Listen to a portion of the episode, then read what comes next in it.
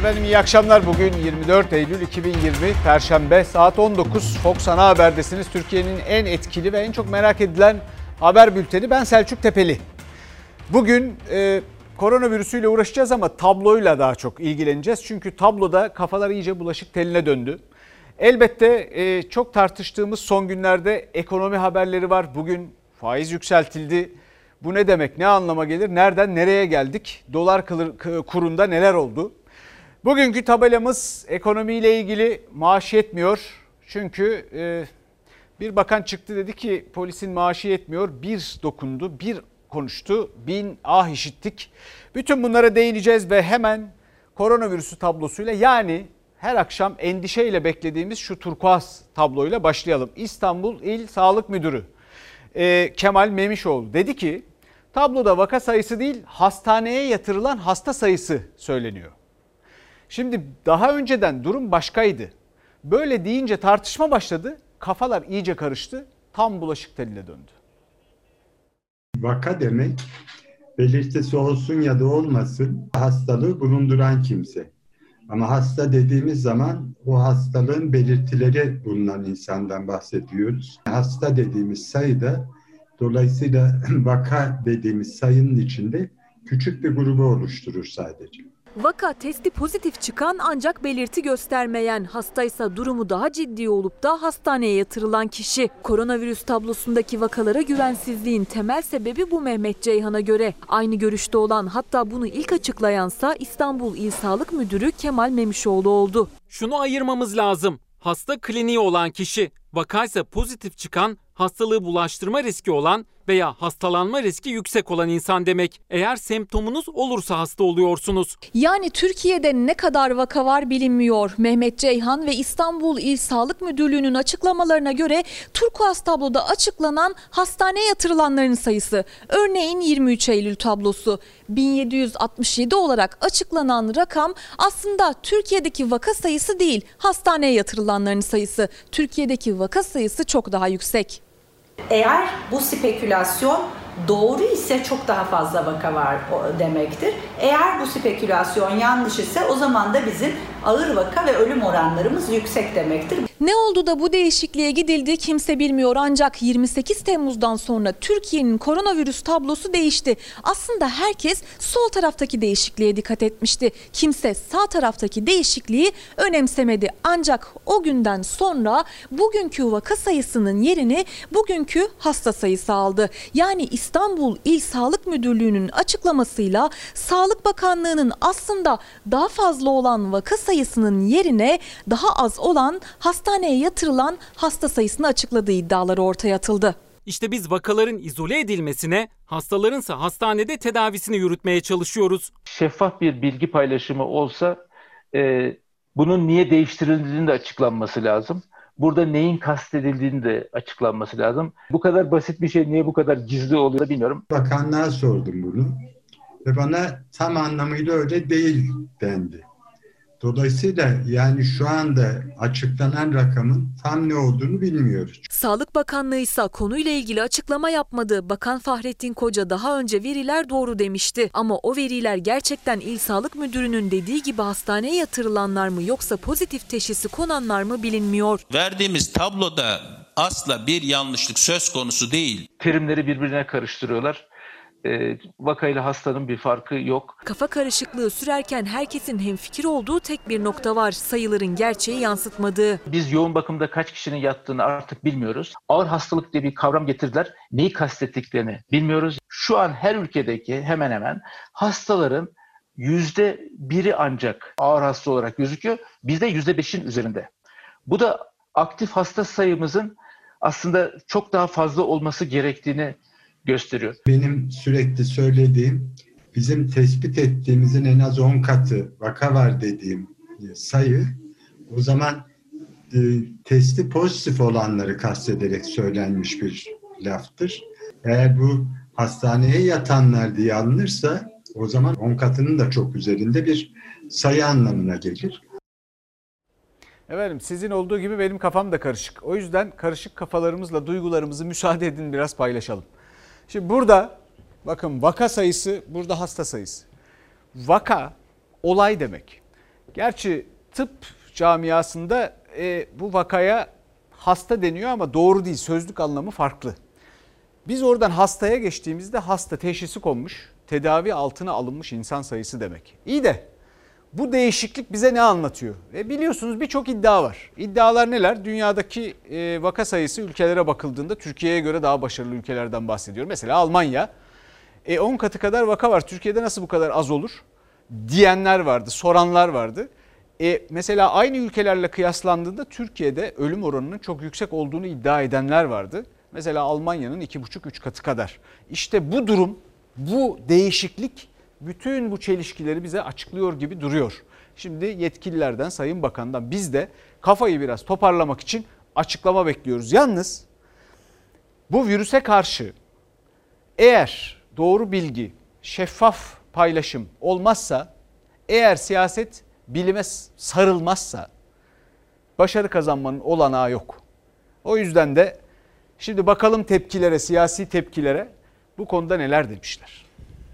Devlet yalan söylemez. Hasta sayısı az, ölüm sayısı az oldu diye bundan bir başarı hikayesi çıkartırsanız bu da yanlıştır. Hasta sayımız 1771. Hayatını kaybeden vatandaşlarımızın sayısı ise 63. Günlük ölümler 70'lere ulaştı arkadaşlar. Günlük olgularda 1700'lere ama bütün bu sayıların ben gerçek olduğuna inanmıyorum. Ölü sayısı en az 4-5 katı, vaka sayısı da 10 katı arkadaşlar. Her gün merakla takip ettiğimiz Covid-19 tablosunun doğru olup olmadığına ilişkin tartışma turkuaz tabloda 29 Temmuz'dan itibaren yapılan değişikliklerle yeniden alevlendi. Muhalefet ses yükseltti. Konya milletvekilimiz Fahrettin Yokuş Covid testi pozitif çıktı ve evde.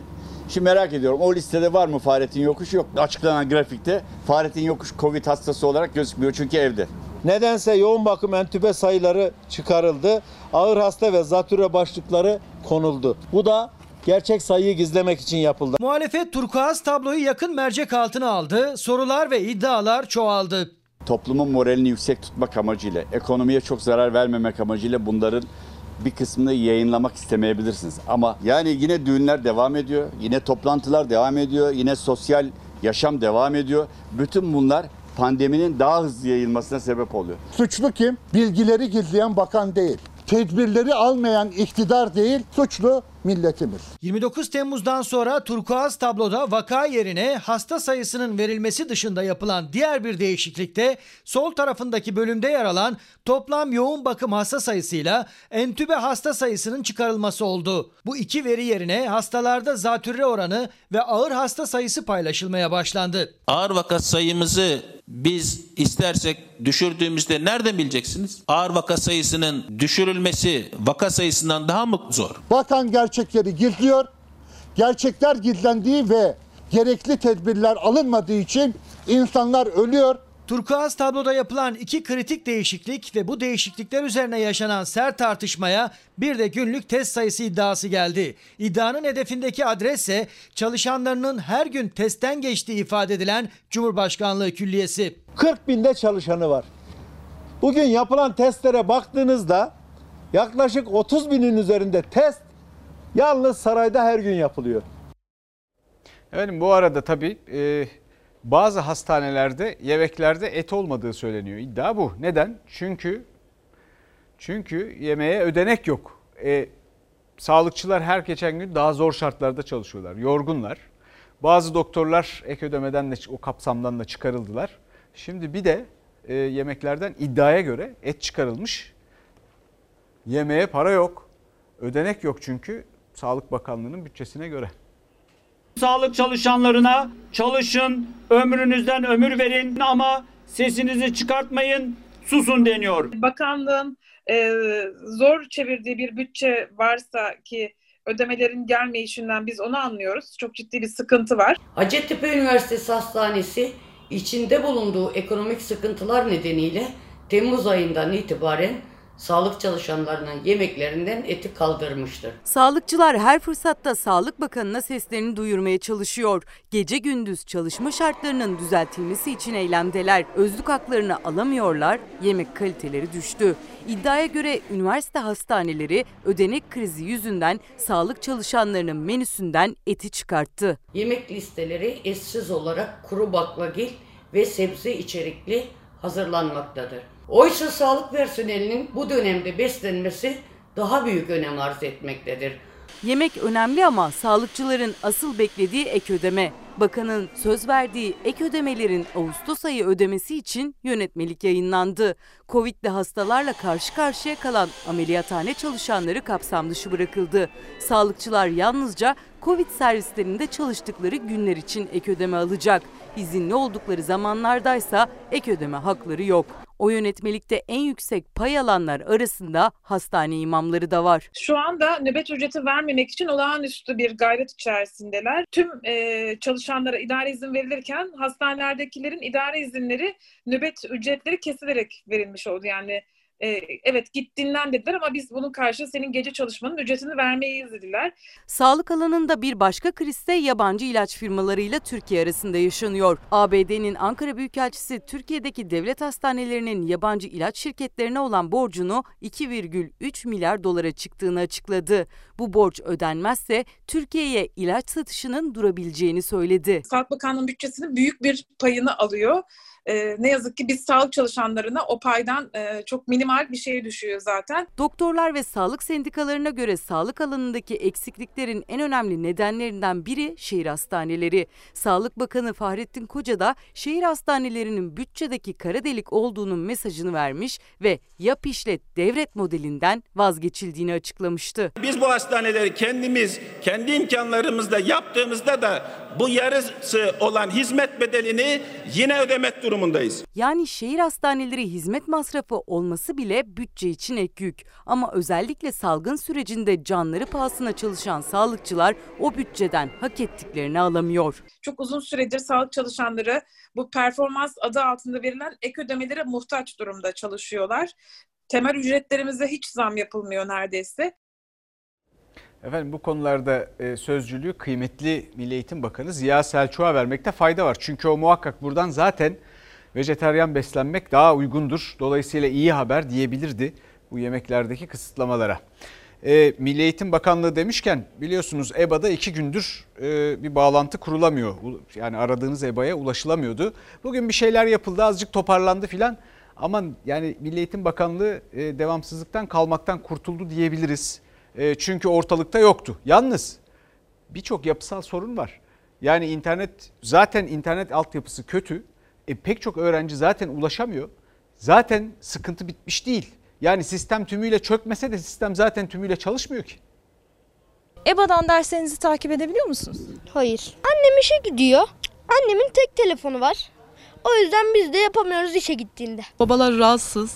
Hep ben çalışıyorum. Tek çalıştığım için de onların istedikleri olmuyor. Siz ne olmak istiyorsunuz büyüyünce? Polis. Ben YouTuber. Zaten 10 abonem vardı YouTube'da. Video çekiyordum. Oyun videosu çekiyordum. Onları nereden çekip atıyordunuz? Atamıyorduk ki. Ali Kangil vardı, onlarda internet vardı, oradan atıyorduk. Arkadaşlarının evindeki internetle gelecek hayalleri kurabiliyordu Enes Versin Köse. Ama o hayallerin gerçekleşmesi için uzaktan eğitim. Uzaktan eğitim için de onların da evinde internete, tablete ihtiyaç var. Asgari ücretle tek başına evi geçindiren anneleri ise o ihtiyaçları karşılayamadı. Dördüncü sınıf öğrencisi iki kardeş çok istemelerine rağmen EBA'yı Ankara'da dahi takip edemiyor. Uzaktan eğitim almak istiyoruz. Yıl olmuş 2020 bizim köyümüzde hala bir uydu yok. Biz öğrenciler olarak çok mağduruz. Okuyun diyorsunuz da biz bu imkanlarda nasıl okuyabiliriz? Burası da Iğdır. Öğrenciler uzaktan eğitime katılabilmek için köylerinin dışına çıkıyor dağa tırmanıyorlar. O da hava şartları el verirse. Şimdiden üzerlerinde mont, rüzgarın altında ders işliyorlar. Biz diğer öğrencilerle aynı eşit şartlarda ders görmek istiyoruz. Herkesin eşit şartlarda eğitim almadığını görmek için çok uzaklara gitmeye gerek de yok aslında. 7 aya geçtim. Hocam kanal çekmiyor. O kanal EBA TV yok. Ee, internet de yok. Başkentin en merkezi bölgelerinden Ulus'ta Milli Eğitim Bakanlığı'na yalnızca 10 kilometre uzaklıkta bir mahalledeyiz ve buradaki çocukların pek çoğunun evinde ne internet var ne akıllı telefon ne de tablet. Tablet var mı? Yok. Televizyon? Yok. Kitaplar böyle bekliyor çalışamıyorlar. Ne kadar zamandır EBA'ya giremiyorsunuz? Okullar kapandığından belli. Bazılarının evinde televizyon bile yok. Dördüncü sınıf öğrencisi Gülbahçe ve ikinci sınıf öğrencisi Halil Berk çalışmayan televizyonlarının önünde bir gün EBA'yı izlemeyi hayal ediyorlar. Babaanneleri ise onlara bir televizyon alabilmek için hala çalışıyor. Babası çalışıyor ama borçtan dolayı e, maaşına el koydular. Beni de gördünüz işte şimdi. iş yapıyorsun? Sokaklarda bir şeyler satıyoruz. Bir anne baba evladın her şeyi olduğunu ister ama imkanımız yok. Milli Eğitim Bakanlığı öğrencilere ve öğretmenlere 8 GB'lık internet desteği verileceğini açıkladı. Ama eğitimcilerin hesabına göre bu sadece bir haftalık derslere yetiyor. Aydaysa 100 liralık internet gerek. 60 dakikalık bir dersin 2 GB internet harcadığını görüyoruz. Ayda en az 100 GB bir internet olması gerekiyor. Cumhurbaşkanım bize internet yollayabilir misin? Yeni nesli duyuyorsunuz değil mi? Kulak verdinizse biraz bu çocukları zor susturursunuz. Zehir gibiler. Şimdi Nazlı Nazlı yere basmazla benim hikayeme gideceğiz. Orada da zehir gibi 7 kardeş var. Ama 7 kardeş bir kırık telefonla eğitime ulaşmaya çalışıyor. Yedi çocuğa bir telefon mu var? Benim yedi çocuğa o da benim telefonumdur. O da kırıktır. O alıyor öbürü ağlıyor. O onun saati maalesef EBA saati, canlı yayın saati hepsi aynı saate girmiş. E 7 tane çocuk nasıl bir telefonla canlı ya- yayın yapabilir? E bir düşün. Düşünmeye pek de gerek yok aslında. Durum net. Bir evde 7 öğrenci, bir kırık telefon. Doğu'nun ücra bir köyde değil, mega kent İstanbul'da takdir, iftihar, başarı, onur belgeleriyle dolu sıcak bir yuva. Kendi imkanlarıyla çalışıyorlar. Hiç dışarı çıkmıyorlar, oyun oynamıyorlar. Herkes oyun oynuyor, onlar çalışıyorlar. Onur belgesi getiriyorlar. Denemelerde Türkiye birincisi oluyorlar. Kırık telefonu da o elinden çekti, öbürünün de elinden çekti, telefonu kırdılar. Benim olsun, o diyor benim olsun, o diyor bu ben gireceğim, o diyor ben gireceğim. Telefonu da kırdılar. Siz okudunuz mu? İlkokul. İlkokul. Evet. Seviyor muydunuz okumayı? E, çok, çok isterdim. Gönlünüz çocuklarınız okusun mu? Evet, çok istiyorum. Anne baba eğitimin ne kadar önemli olduğunun farkında. Ellerinden geleni yapıyorlar evlatları için. Baba kağıt toplayarak sağlıyor geçimi. Çocuklar çalışkan ve başarılı. Kimseden hiçbir yardım talepleri yok. Sadece pandemide yani beklenmeyen bu olağanüstü durumda devlet arkalarında olacak diye umdular. Kaymakamlıktan, belediyeden, milli eğitim müdürlüklerinden EBA'ya erişiminiz, imkanınız var mı diye sorulur, kapıları çalınır diye beklediler. Olmadı. Herkes derse giriyor, benim çocuklarım giremiyor. En başarılı öğrenci, sınıfın öğrencisi giremiyor. Arkada 30 duruyor, kişinin- ağlıyor. Evet, 30 kişinin birincisi o giremiyor. Evin en büyük abisi İTÜ'yü kazandı ama bilgisayar alabilmek amacıyla çalışmaya başladı. Kardeşlerden üç tanesi biz buradayız diye kendilerini odaya kapattı. Aslında hepsi çok çalışkanlar ve kendileriyle gurur duymalılar. Ama içlerinde bulundukları durum nedeniyle yüzlerini göstermeye çekindiler. Şimdi Ahmet oradan izliyor bizi.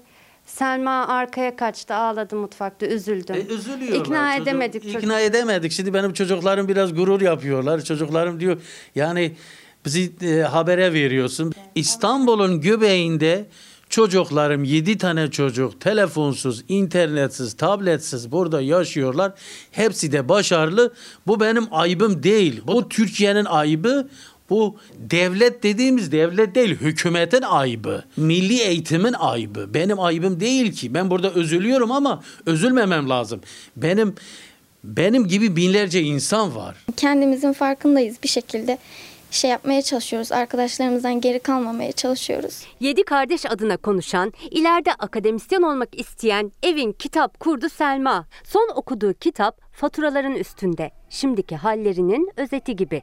Geçen yıl aldığı 300 liralık başarı bursunu üniversiteye hazırlanan abisine vermişti. Yine kitap alsın diye. Şimdi o üniversite hazırlığında. Temelden üniversite sınavına hazırlık yapıyorlar. Öğretmenlerimiz çok iyi. Yani onları dinleyebilmemiz için canlı derslere girmemiz gerek ama şu an giremiyoruz. Çok tablet istemiyoruz böyle her birimize. Sadece böyle iki tane yeter bize. Selma tutunamayanları okuyor ama bu nesil tutunacak. Hiç kuşkunuz olmasın. Zehir gibiler var. Ben onlara çok güveniyorum. Ee, ama bu ülkenin karar vericileri de kamu sektöründe de özel sektörde de güvenseler ya da akılları biraz erse bu çocuklara. Mesela şu eksik internet altyapısı, yetmeyen internet buna bir el atsalar. Mesela bir jest yapsalar. Deseler ki bu çocuklara bedava internet var ama yetersiz. Bu e, jestleri yapanlar var ama yetersiz. Yani internet niye niye parayla? Merak ettiğim şey bu. İnternet niye hava gibi değil?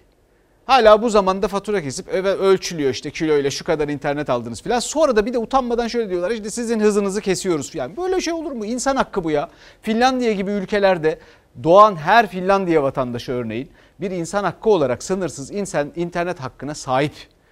Bunu talep edelim, bunu versinler bize. Bedavadan para kazanmasınlar ya. Şimdi bir düğün var. Çok tartışıyoruz biliyorsunuz bu düğünü. E, günlerdir tartışıyoruz. 1500 kişilik Kocaeli Milletvekili AK Parti'nin bir düğün yaptı. E, orada tabii ne Covid-19 var ne tedbir var hiçbir şey yok. Pek çok yetkili var. Ya milletvekilleri, bakanlar, kaymakamlar, valiler filan. Dedik ki ya Allah aşkına birileri bize bir açıklama yapsın. Şimdi bu düğüne gideceğiz. E, açıklama teşekkür ederiz bir açıklama geldi ama açıklama yani gerçekten kabahatinden beter bir açıklama. Öte yandan da düğünün kendisi zaten siz bizim kim olduğumuzu biliyor musunuz düğünü? Gidelim bakalım kimmişler.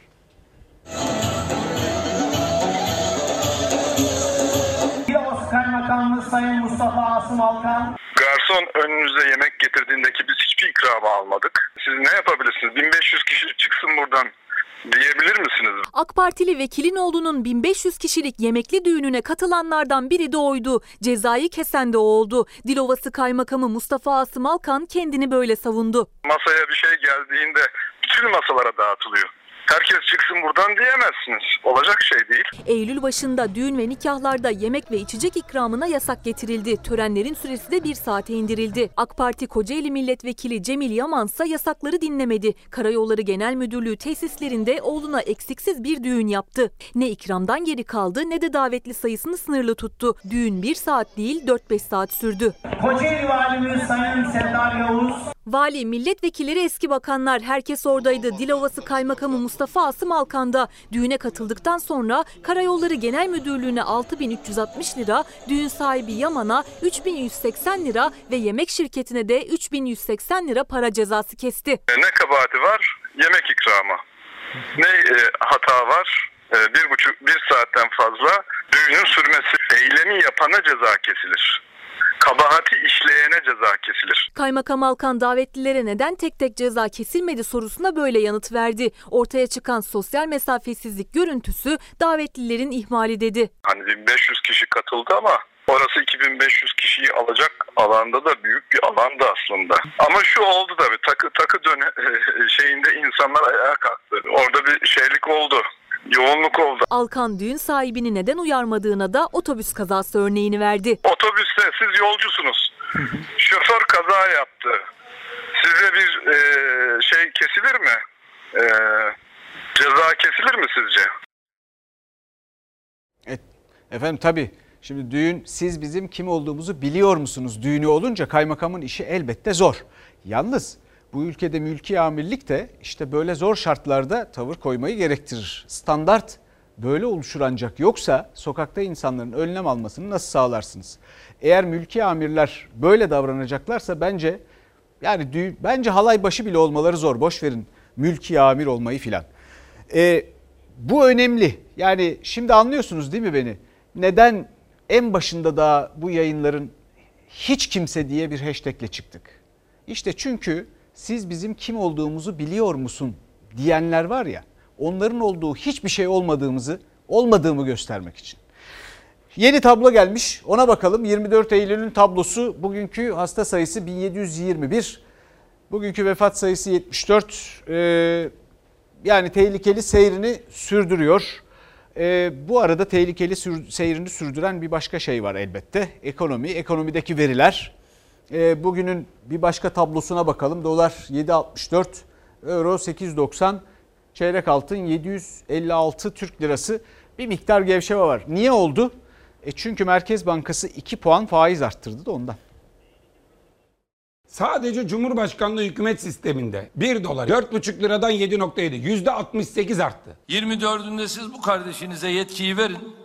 Ha, ondan sonra bu faizle şunla bunla nasıl uğraşılır göreceğiz. Verin yetkiyi bu kardeşinize göstereyim diyordu. Gördüğümüz bu. Doları 7.7 liraya getirdi. Cumhurbaşkanlığı hükümet sistemi başladı başlayalı ülke fakirleşiyor. Bugünler daha iyi günler bakın. Son haftalarda tırmanışa geçen dolar euro artışına Merkez Bankası Mayıs ayından bu yana değiştirmediği faiz artışıyla cevap verdi. Faizler 2 puan arttı. 10.25 oldu. Muhalefet dövizdeki artıştan enflasyon, işsizliğe kadar faturayı 2018'de geçilen partili Cumhurbaşkanlığı hükümet sistemine keserken Ordu Milletvekili Cemal Engin parlamenter sisteme dönüş olacak çıkışı yaptı. Şu anki Cemal, yapıda ben- %50.1 hayal İzleyicilerimiz- hayal. Evet. Şimdi İzleyicilerimiz- %50.1'i alma şansı yok. Hukuki bir kılıf bulunacak. Parlamenter sisteme dönüş olacak. Dolar 10 lira olacak ya 15 lira olacak ya 6 liradan 7 liradan toplayalım dolarları. Ha 10-15'e satarız. Dolar düştü 5 liraya. Bunlar kara kara düşünüyor. Kuru 7'nin altında tutmak için 120 milyar doları kibriti çakıp yaktılar. 2014'te köşke çıktığında 2 liradan aldığı doları 7.7 liraya getirdi. Neredeyse 4 kat. %360 artmış. Muhalefetin hesabına göre Cumhurbaşkanlığı hükümet sistemine geçildikten sonra dolar %68 arttı. Türk lirası da o kadar değer kaybetti. Merkez Bankası ise en son 2018 yılındaki kur şokuyla çektiği faiz artırım silahını 2 yıl sonra yine çekti. 8.25 olan faiz 10.25'e çıktı. Yeni faiz kararından sonra düşüşe geçen dolar yeniden 7.63'leri gördü. Dolarla mı maaş alıyorsunuz? Dolar borcunuz mu var? Şartlar artık çok daha kötüleşmeden, borçlar iyice ödenemez hale gelmeden 2021 yılında erken seçime gidecekler. Başka da şansları yok. Tek bir amacı vardı.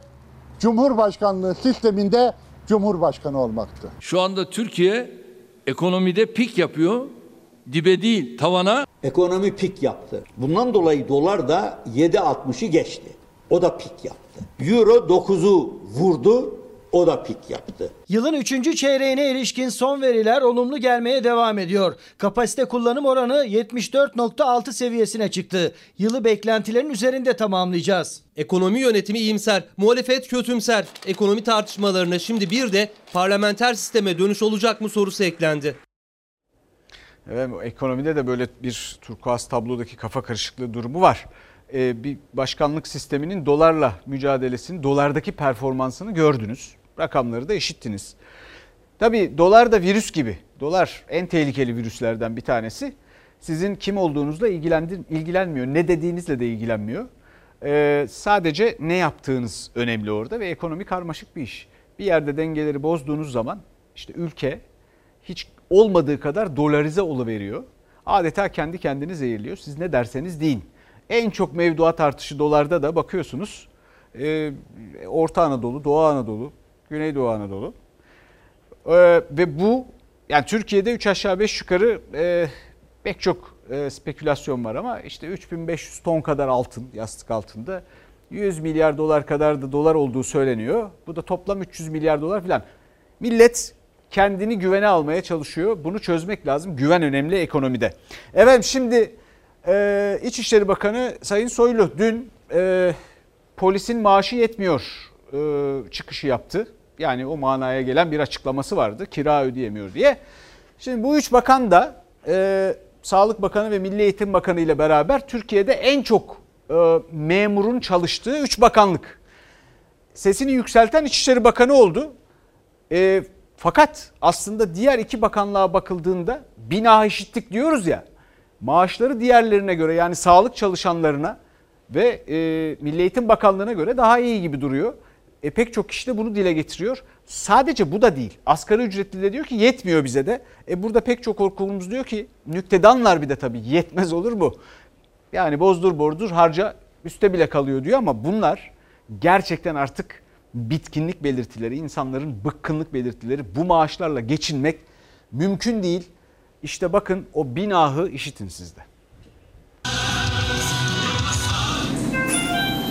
Devletin kendi belirlediği bir yoksulluk sınırı var kardeşim. Geçmişte orta direk dediğimiz memur şu anda o yoksulluk sınırının 3900 lira altında. Yani yarı, yarısı 7900 lira nerede 4000 lira nerede? Açlık sınırına doğru çekiyoruz memuru. Yoksulluk sınırına bile ulaşamıyor memur maaşları ve artık bazı bakanların da gündemi. İçişleri Bakanı Süleyman Soylu'nun sözleriyle bir kez daha ortaya çıktı tablo. Bu kira meselesi sebebiyle İstanbul'a tayin ettiğimiz polislerin yüzde 45'i İstanbul'a gitmek istemiyorlar. Bir daha söyleyeyim mi? Üstelik Soylu memurlar arasında en yüksek maaş alan kesim. Polisler için yaptı bu çıkışı. Öğretmenler ve sağlıkçıların durumuysa ilgili bakanların açıklamalarında gizli. Bakanlıkların bütçesine maaşlar yük, değil zam. Bu nedenle hak kaybına bile uğruyor memurlar. Milliyetin Bakanlığı'nın bütçesine bakarsanız yatırım bütçesinin çok çok küçük olduğunu görürsünüz. Eğitimde asıl yük öğretmenin maaşıyla ilgilidir. Pandemi hastasıyla ilgilenen bütün hekim ve sağlık personeli tavandan performansını almış olacak. Sağlık çalışanlarının hakkı ödenmez dediler.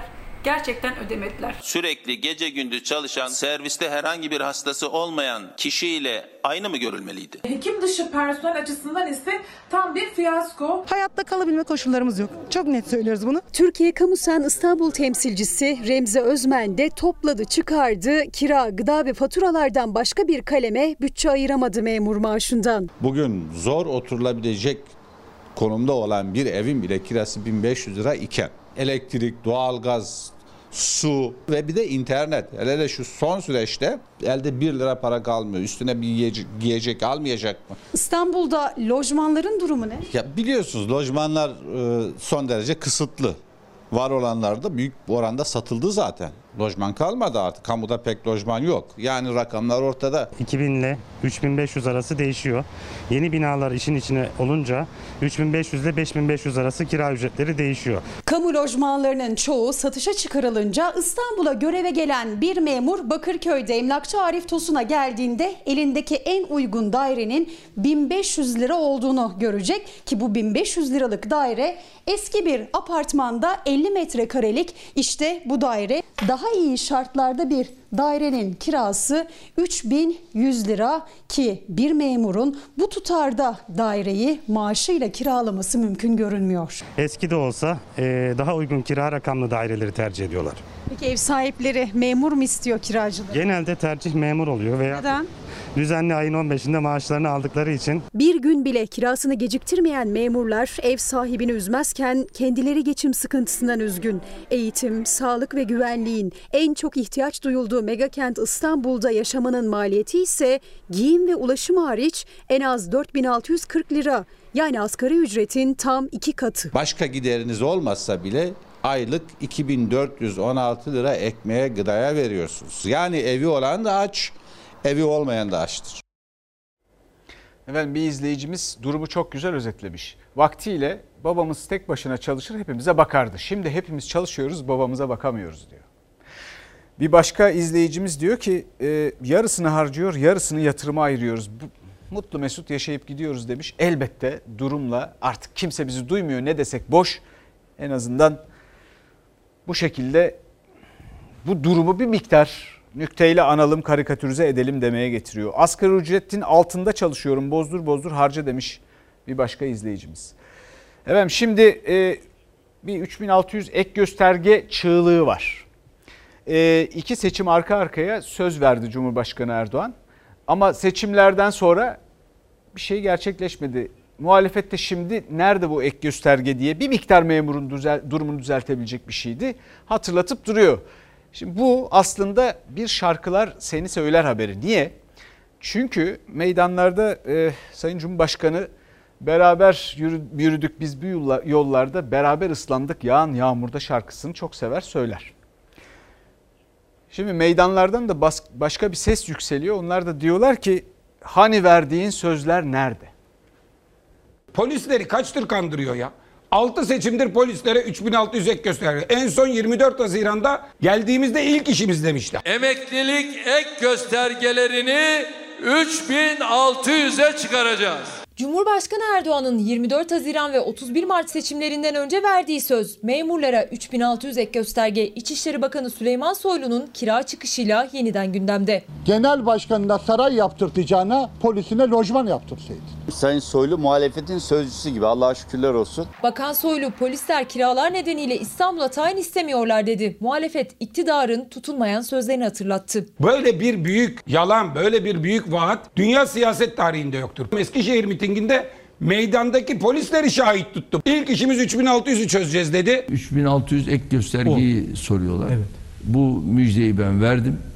sözümdeyim. Seçimlerden sonra hemen hazırlıklar yapılmıştır. Ele alınacak konulardan bir tanesidir. Memurların tamamına bu meclis açıldığı günden itibaren söylüyoruz. Memurlara 3600 ek göstergeyi getirin. Getirin bu insanlar nefes alamıyor artık. Polislerimiz var, öğretmenlerimiz var, hemşirelerimiz var, din görevlilerimiz var vesaire. Yani hepsini bu 3600'den yararlandıracağız. Öğretmenlere sözü var tutmuyor. Din görevlilerine sözü var tutmuyor. İnfaz koruma memurlarına sözü var tutmuyor. Çık ya 3600 ek göstergeyi bugün çöz ya da sus. CHP 3600 ek gösterge sözünü tut diye seslenirken Erdoğan'a İyi Parti hazinede memura ayrılacak bütçe kalmadığını iddia etti. Yandaşlara para aktarmak için geçmeyen arabalara, köprülere, tünellere para ödeyince 3600 ek gösterge bekleyen memurlara para kalmıyor. Süleyman Soylu'nun kira itirafı, muhalefetin ısrarla hatırlatmaları, 2 yıldır seçim dönemlerinde gündeme gelen ama meclise bir türlü gelemeyen 3600 ek göstergede bir adım atılacak mı? Gözler Erdoğan'da. Şimdi Ekim'de parlamento açılacak. Bakalım bu e, gündeme gelecek mi? 3600 ek gösterge. Ekim'de parlamento açılınca beklediğimiz bir başka bir şey var tabii. Tarım arazileri üzerine yapılan bu hobi bahçesi, tarım dışındaki uygulamalarla ilgili bunların engellenmesi için bir şeyin çıkması lazım. Bir yasa tasarısı var biliyorsunuz. Onu bekliyoruz. Niye bekliyoruz? E, tarımı kaybediyoruz çünkü. Dün bir e, pamuk haberi yaptık. Yunanistan'dan pamuk ithal ediyoruz diye. Bu arada da ortalığı biraz karıştırdım galiba. Çünkü yani bu alnımı gösterip e, dedim ki bunlar e, plaj yanı, yanığı değil tarla yanığı. Bir e, izleyicimiz demiş ki gerçi bir tek ama bence gözünden kaçmamış. Diyor ki e, abi e, ironi mi yapıyorsun yoksa alnında hakikaten bir şey mi gösteriyorsun diye. Şimdi haberden sonra onu anlatacağım. Pamukta akıl almaz bir şey var. Yunanistan'la sürtüşüyoruz. Hatta orada Yunanistan dedi ki ön şartımız oruç reis çekilsin. Ön şart falan yok dediler. Bir baktık bir sabah oruç reisi çekmiş. Ama daha beterini yapmışlar. Daha büyük taviz.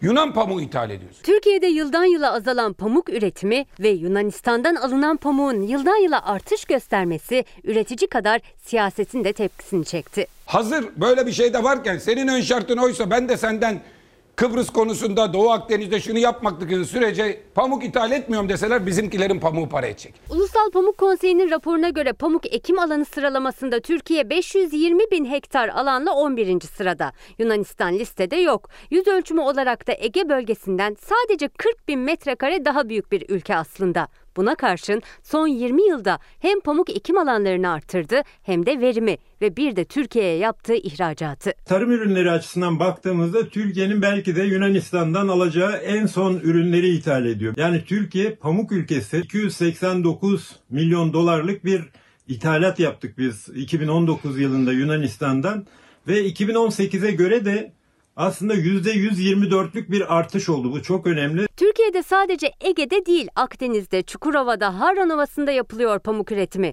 Ancak artan maliyetler ve yetersiz destekler çiftçiyi günden güne tarladan uzaklaştırıyor. Geçen yıl 400 dönüm ekiyorduk. Bu yıl 100 dönüm ektik. Gittikçe azalıyor. Seneye belki hiç ekmeyeceğiz. Bize akıl verenler, yerliyiz, milliyiz diyenler, üretin diyenler maalesef çiftçinin belini kırdı, üretemeyecek duruma geldi. Yeni hasat sezonunda da en az 6 lira fiyat bekliyordu üretici. Pamuk toplanmaya başlandı ancak fiyat açıklanmadı. Açıklanmadığı gibi iplikçi depolarına ithal pamuklar ulaştı. Bu yıl yaklaşık 2 milyar dolara yakın bir pamuk ithalatının yapılacağı görünmektedir. İşte bu 2 milyar dolar parayı başka ülkelerin çiftçilerine değil, kendi ülkeler ülkemizin çiftçilerine verirsek pamuğu ve pamuk üreticisini desteklemiş oluruz. Türkiye'nin komşu Yunanistan'dan aldığı tek ürün pamukta değil. Yine Yunanistan'dan aldığımız ubat ürünleri var. Yani buğday ithal ediyoruz, diğer ürünleri ithal ediyoruz. Buradaki ithalat miktarı da 54 milyon dolar civarında. Aynı zamanda buradan pirinç ithal ediyoruz ve pirinç ithalatımızda 38 milyon dolarlık bir döviz karşılığında yapıyoruz. Sadece Yunanistan'dan da değil, Çin, Amerika gibi ülkelerden de ithal tarım ürünleri geliyor. Çiftçi ise her ithalat haberiyle toprağından bir adım daha uzaklaşıyor. Ovada beyaz altın diye bir şey kalmayacak. Efendim dün tabii Şehnaz Hanım yönetmenimiz şefkatle davranıp benim defolarım çok görünmesin diye belli ki çok da girmemiş kamerayla ama şimdi burada biliyorsunuz bugün Hüseyin var o biraz daha gaddar. E, muhakkak gereğini yapacaktır. Şimdi ben burada çok böyle pudra falan sürdürmek istemiyorum ama yüzün parlamasın, ter görünmesin diye çünkü insan burada terliyor sizin karşınızda kolay bir şey değil bu. E, bir şeyler sürüyorlar. Yani halimiz böyle görüyorsunuz. Bense ne kadar az sürülürse o kadar iyi diyorum. Bugün özellikle dedim ki ya ne olur yapmayın şunu. Neyse görünsün. Çünkü bunlar insanın hikayesi. Bu hikayeden insan kaçar mı? Bu hikaye insanı insan yapan şey. Ayrıca bu evet gördüğünüz gibi hiç ironi falan yapmıyorum. Bunlar gerçekten tarla yanığı. Çünkü hayatımın yarısını ben yarı belime kadar toprak içinde geçirdim. Benim ailem çiftçilik yapıyor. Öyle pek çok benim bütün çevrem öyle. Ee, bütün yakınlarım öyle neredeyse. Ee, o bakımdan da işimizi yaptık. Şimdi de yapmaya devam ediyoruz. Başka bir şey o arada geldik işte yurt dışında yurt içinde siyaset okuduk. Şu oldu bu oldu filan ama ondan daha esaslı topraktan daha iyi bir iş olamaz. Toprak insanı başka türlü terbiye eder. Keşke bunun kıymetini herkes bilse. O yüzden bizde ironi yok böyle. Ama bunu da çok abartmak istemiyorum. Niye? Şimdi bir izleyicimize cevap vermek için söyledim.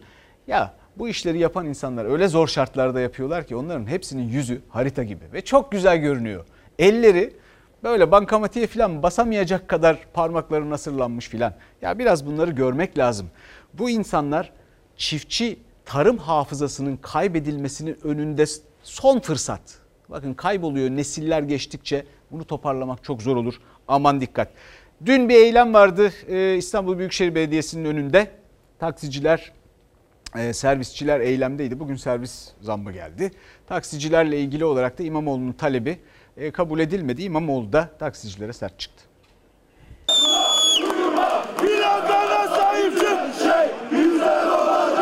Ee, İstanbul'un taksisi. Ee, biz biz merak etmeyin adaleti koruruz. Neden kiralamak yolunu ediyorsun peki? Niye satacağım sana? Yani mecbur muyum sana satmaya? Yok yok ben diyorum ki tamam. Mesela sana plaka satmaya mecbur muyum?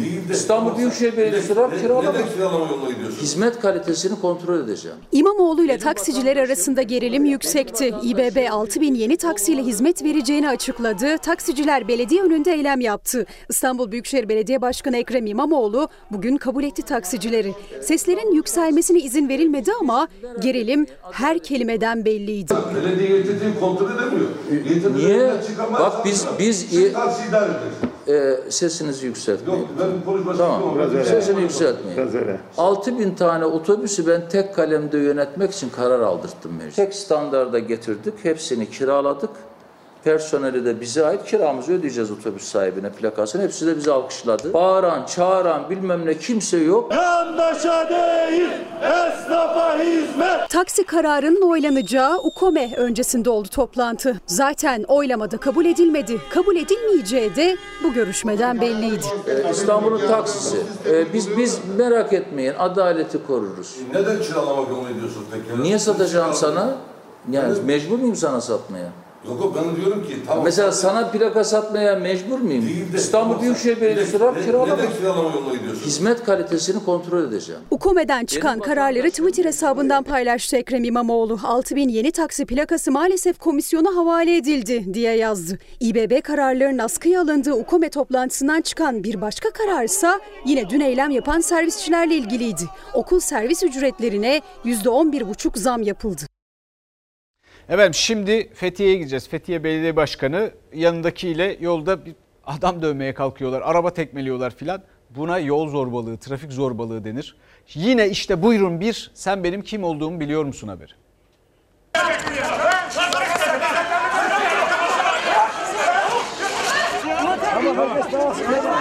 Belediye başkanı olduğunu tekrarlayınca kim olursan ol, kimsen kimsin bunun bir önemi yok dedi. Ondan sonra kapıyı açtı. Ee, bunu sindiremedi. Kapısıyla aracıma zarar verdi. Korumasıyla birlikte trafikte tartıştığı tatilcinin aracına saldırdı. Bunu yapan da bir devlet görevlisi Fethiye Belediye Başkanı Alim Karaca'ydı. O anların görüntüsü ortaya çıktı.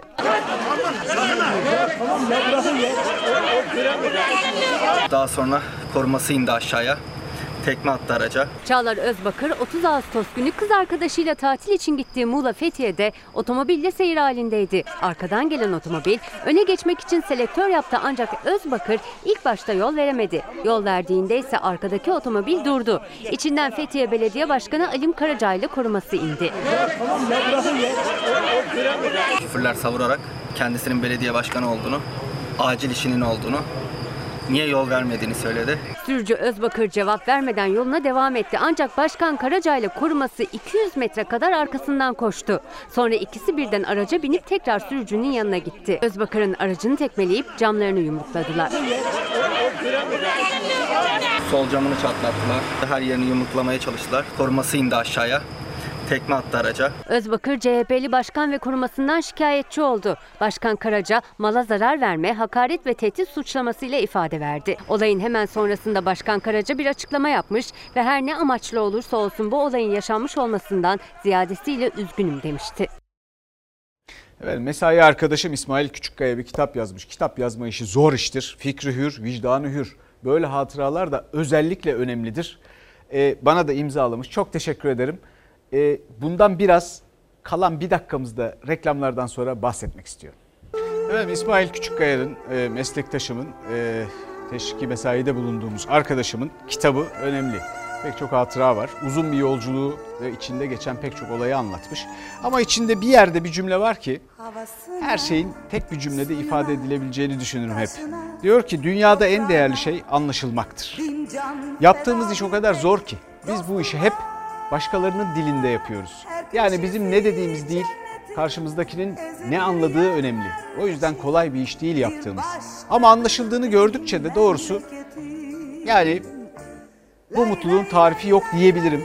Şimdi bir tane e, bir e, değerli e, izleyicimiz annesiyle ilgili bir tweet atmış. Bizi de eklememiş. Bir arkadaşım haber verdi. Diyor ki Sevda Hanım Selçuk Tepeli haber bültenini kapatırken iyi akşamlar diyor. Annem de iyi akşamlar evladım diyor. Zeki Müren de bizi görüyor. Ee, şimdi Emine Hanım, Sevda Hanım'ın annesi. Çok teşekkür ediyorum. Sağ olsun. Bu arada e, Zeki Müren'in de e, ölüm yıl dönümü e, bugün. E, 1996'da kaybettik. Nurlar içinde yatsın. E, bizden sonra Mucize Doktor'un yeni bölümü var. Efendim iyi akşamlar. Emine Hanım Samsun'da yaşıyor. Emine Hanım iyi akşamlar efendim.